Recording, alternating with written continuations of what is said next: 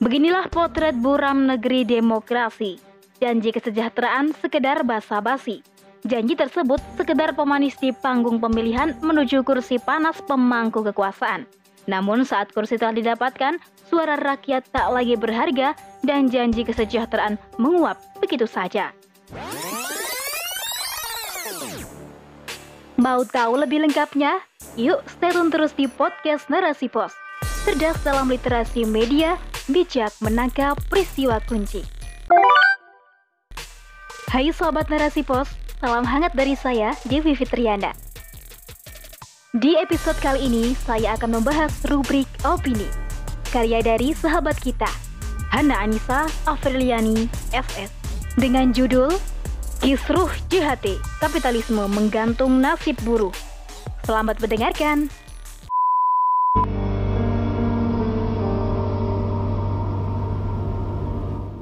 Seolah tak ada habisnya derita kaum buruh di sistem kehidupan hari ini. Masih terngiang di telinga kita teriakan tuntutan para buruh yang menuntut kenaikan UMP.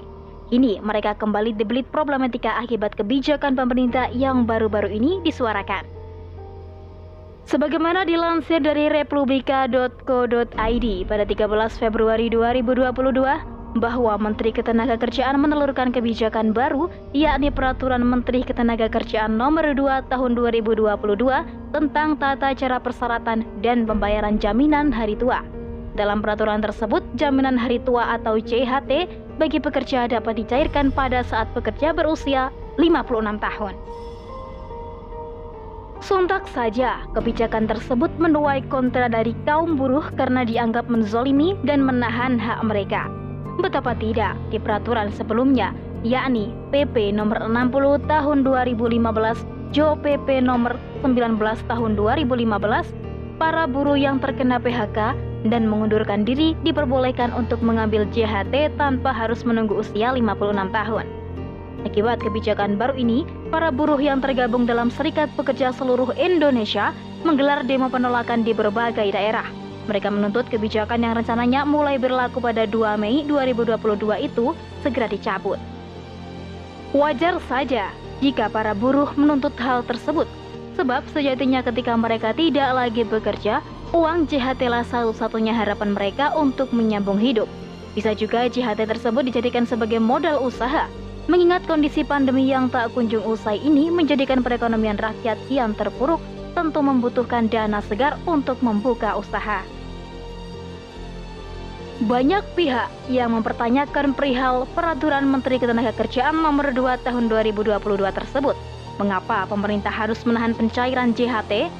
Bahkan bergulir spekulasi di tengah masyarakat bahwa uang tersebut akan digunakan oleh pemerintah untuk membiayai program lainnya, termasuk pembiayaan proyek ibu kota negara atau IKN yang saat ini sedang dikejar deadline. Sebagaimana diketahui bahwa JHT merupakan dana yang dikumpulkan dari iuran buruh yang berasal dari gaji yang dipotong setiap bulannya. Maka pencairan JHT yang harus menunggu sampai usia 56 tahun jelas menzolimi para buruh. Hal tersebut diungkapkan pula oleh Alifuddin anggota Komisi 9 DPR RI yang mengatakan bahwa seharusnya pemerintah tidak menambah lagi penderitaan rakyat karena sebelumnya sudah ada polemik soal UU Cipta Kerja dan besaran upah yang tidak berpihak pada kaum buruh. Sistem demokrasi yang menganut slogan dari rakyat, oleh rakyat, dan untuk rakyat, kenyataannya tidak menjadikan rakyat sebagai prioritas pertimbangan dalam mengambil kebijakan. Sebaliknya, sering kali negara malah menjadikan rakyat sebagai tumbal, sementara para pengusaha yang difasilitasi kepentingannya. Beginilah potret buram negeri demokrasi janji kesejahteraan sekedar basa-basi, pemanis di panggung pemilihan merujuk kursi panas pemangku kekuasaan. Namun saat kursi telah didapatkan, suara rakyat tak lagi berharga dan janji kesejahteraan menguap begitu saja. Dalam persoalan buruh yang notabene mereka adalah bagian dari rakyat negeri ini, nasibnya kerap digantung, seolah hanya tenaga mereka yang dieksploitasi demi keuntungan materi para korporasi. Namun kesejahteraan jauh dari harapan. Kebijakan penundaan pencairan JHT hingga usia 56 tahun wajar saja menuai polemik meski pemerintah berdalih hal tersebut dalam rangka melindungi buruh di usia yang sudah tidak lagi produktif kelak. Ida Fauzia, selaku Menteri Ketenagakerjaan, juga menjamin bahwa JHT akan tersimpan aman dan dikelola dengan baik. Namun tetap saja, hal tersebut tidak dapat diterima oleh para buruh. Karena sejatinya, alasan melindungi buruh terkesan dipaksakan. Realitanya, pasca di PHK, buruh tak punya penghasilan, maka tentu saja membutuhkan modal untuk usaha. Sebagai ideologi, Islam memiliki seperangkat aturan bagi manusia, tak terkecuali dalam persoalan buruh. Dalam kacamata Islam, kesejahteraan buruh adalah hal yang penting untuk diperhatikan. Negara wajib menjamin kepada para pengusaha agar memberikan upah yang setimpal kepada para buruh, sesuai dengan manfaat yang diberikan para buruh tersebut kepada pengusaha atau majikan tempat bekerja.